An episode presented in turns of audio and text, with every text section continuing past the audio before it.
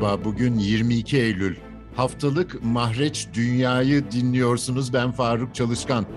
Rusya lideri Putin'in Ukrayna Savaşı sebebiyle kısmi seferberlik ilanını konuşacağız. Konuğum Bakü'den Anadolu Ajansı Avrasya editörü Tolga Özgenç. Tolga katıldığın için teşekkür ederim. Seferberlik ilanının ayrıntılarını anlatır mısın? Teşekkürler Faruk Çalışkan, iyi yayınlar. Ee, evet, dün e, Rusya Devlet Başkanı Putin e, kısmi seferberlik ilan etti. E, kısmi seferberlikle aslında neyi amaçladığını ya da durumun ne olduğunun fotoğrafını çekti bir anlamda da. Aslında en son cümleyi başta söylemek gerekirse Putin hem silah gösterdi hem barış masasını gösterdi diyebiliriz Faruk Bey. Çünkü Putin'in konuşmalarının detaylarına baktığımızda biz savaşa hazırız, biz barışa da hazırız e, mesajlarının olduğunu görebiliyoruz. Putin'in ilan ettiği kısmi seferberlik Rusya'nın İkinci Dünya Savaşı'ndan sonraki ilk seferberliği. Bunu bir bilgi olarak paylaşmak isterim. E, bu anlamda e, kısmi seferberliğin ilan edildiği zamanlamasına dikkat çekmek istiyorum ben her şeyden önce. Putin 21 Eylül'de yaptığı bu e, açıklamayı e, hangi şartlar altında yaptığına e, şöyle kabaca bir bakmak gerekirse e, savaşın Ukrayna-Rusya savaşının tam 7. ayının tamamlandığı gün yaptı bu açıklamayı. E, Birleşmiş Milletler Genel Genel Kurulu'nun toplandığı, liderlerin hep bir arada olduğu bir e, dönemde yaptığı e, kısmi seferberlik ilanını. Diğer taraftan Avrupa'nın enerji krizi yaşadığı bir dönemde e, Avrupalıların, halkın soğuğu, enerji krizini sert hissetmeye başladığı bir dönemde, e, Avrupalı hükümetlere tepkilerin arttığı bir dönemde yaptı bu kısmi seferberlik ilanını. Diğer taraftan da e, Ukrayna'ya baktığımızda Donbas, Herson ve Zaporojya'daki Rus yanlısı ayrılıkçıların referandum yapma e, kararı aldıkları bir günde ve bu referandumla Rusya'ya bağlanacaklarını ilan ettikleri bir dönemde Rusya Devlet Başkanı Putin kısmi seferberlik ilan ettiklerini açıkladı. Çünkü bu az önce saydığım maddelerle Putin'in e, yaptığı açıklamanın e, birbiriyle bağlantılı olduğunu düşünüyorum ben. Şimdi sizin söylediğiniz konuya gelince bu kısmi seferberlik ne anlama geliyor? Putin Ukrayna Savaşı nedeniyle ilan ettiği kısmi seferberlikten 300 bin kişinin silah altına alınacağını e, açıkladı Savunma Bakanlığı, Rusya Savunma Bakanlığı. Bu 300 bin kişi sağlıklı erkek, daha önce askerlik görevini yapmış e, olacaklar ve bunlara sözleşmeli askerlik e, yapanların maaşları verilecek ve bunlar e, silah altına alınacaklar. Dolayısıyla savaş meydanından e, kaçamayacaklar. Bunların cezaları e, belirlendi. Bunları söyleyebiliriz. Şimdi ilk bakışta Rusların böyle bir karar almasının nedenlerini irdelediğimizde ilk bakışta akla savaş meydanında işlerin Rusların istediği gibi gitmediği düşüncesi geliyor. Evet bu düşünce, bu fikir doğru. Çünkü yaklaşık 7 aydır e, Rusların e, kayıpları artıyor. Hem e, insan kayıpları hem silah kayıpları artıyor ve genel kanı Rusların bu 7 ay süresinde planladıklarını yerine getiremedikleri yönünde. Ancak şunun da altını çizmek gerekiyor. Bu algının insanlarda oluşmasında Batı medyasının da yaptığı manipülasyonları görmezden gelemeyiz. Çünkü Ruslar 7 ay önce savaşa başlarken biz Ukrayna'yı işgal edeceğiz demediler hiçbir zaman. Sadece askeri altyapıları yok edeceğiz. Ee, burada NATO'nun ve Avrupa'nın silahlarının olmasını, Ukrayna'nın nükleer silah elde etmesini, sahibi olmasını istemiyoruz dediler.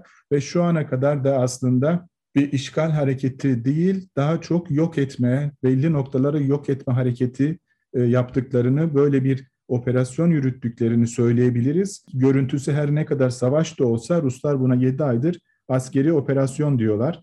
Yani bu Ruslar için e, savaş meydanında işlerin yolunda gitmediği doğru ama bunda söylediğim gibi Batı'nın da algı yaratıcılarının da e, etkisi var. Rusların istediği gibi gitmiyor ama bunun derecesinin bu kadar yüksek algılanmasında Avrupa'nın da etkisi var.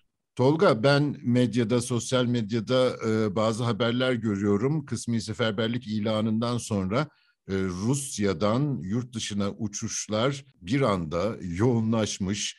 Hatta Rusya-Finlandiya sınırında kara trafiğinin kilitlendiğine dair görüntü izledim. Rusya kamuoyu bu seferberlik haberini nasıl karşıladı? Evet aynen sizin söylediğiniz gibi böyle bir e, durum söz konusu. Rusya'nın e, en son bu gece sabaha karşı Rusya-Gürcistan sınırında da e, bir e, çıkışların yoğunluğundan söz edebiliriz. E, Rus halkı e, 7 aydır savaşan bir ülkenin halkı görüntüsü içinde değildi aslında. Ordusu başka bir ülkenin topraklarında savaş yürütüyordu özel operasyon yürütüyordu. Kendileri normal yaşamlarına devam ediyorlardı. Hatta savaşa o kadar yakın bir bölge olan 2014 e, yılında ilhak edilen e, Kırım'da tatile bile gidiyorlardı. Orada deniz kenarında güneşleniyorlardı. Yani psikolojik olarak çok fazla Ukrayna Savaşı'ndan etkilenmemişlerdi ki dün Putin'in kısmi seferberlik ilanına kadar bir anda şok oldular. Bu seferberlikle birlikte artık herkes ailesindeki erkeklerin silah altına alınıp alınmayacağını, hangi şartlarda alınacağını düşünmeye, endişeyle düşünmeye başladılar. Çünkü Rusların bugüne kadar Ukrayna'da yaptıkları, e, Suriye'de, Libya'da yaptıkları operasyondan çok farklı değildi onlar için. Ama şimdi halk elverişli erkek Rus vatandaşları silah altına alınacaklar ve dolayısıyla şimdi endişelenmeye başladılar ve Bazıları da e, sizin söylediğiniz gibi e, bir günde yurt dışına giden e, uçaklara biletlerine talepler arttı. Karayoluyla yurt dışına çıkışlardan söz edebiliriz. Sınır kapılarında kuyruklar oluştuğunu sosyal medyadan biz de görebiliyoruz. Bu tepkilere baktığımızda Rusya'nın içinde böyle şok, endişe ve kaygıyla e, anlatabiliriz. Rusya içerisindeki tepkiler böyleydi. Bir diğer tarafta Ukrayna'nın tepkisine bakmak gerekir aslında. Kiev'den yapılan açıklamalarda 3 e, gün içerisinde savaşı bitirecekti Ruslar ancak 7. ayın sonunda seferberlik ilan etmek zorunda kaldılar şeklinde birazcık da dalga geçer havasında paylaşımlarda, açıklamalarda bulundular.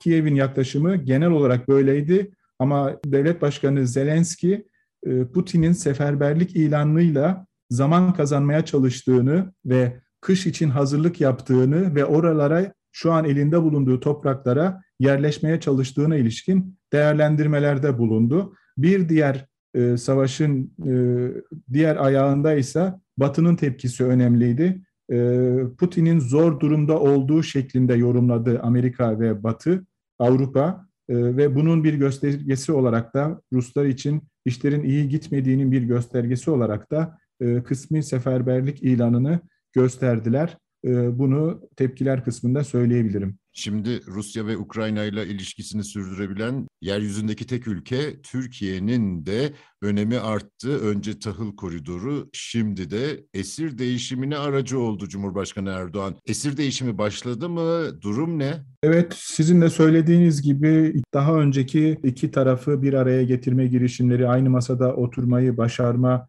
e, operasyonu diyelim, e, tahıl koridorunun e, hayata geçirilmesi ve sağlıklı işlemesi gibi e, girişimlerinden sonra Türkiye'nin ara buluculuğunda 200 Ukraynalı esir ve Rus esir takas edildi.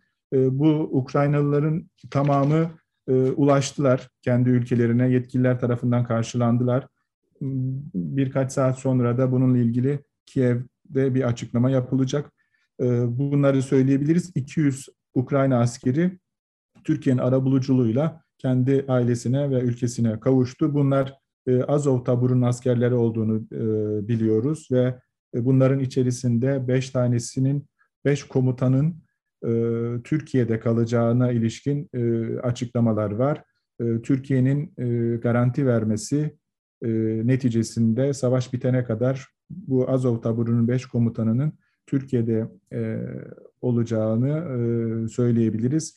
Diğer esirler de ailelerine kavuştu. Bakü'den Tolga Özgenç'e çok teşekkür ediyorum. Bizi hangi mecrada dinliyorsanız orada abone olmayı lütfen unutmayın. Hoşçakalın.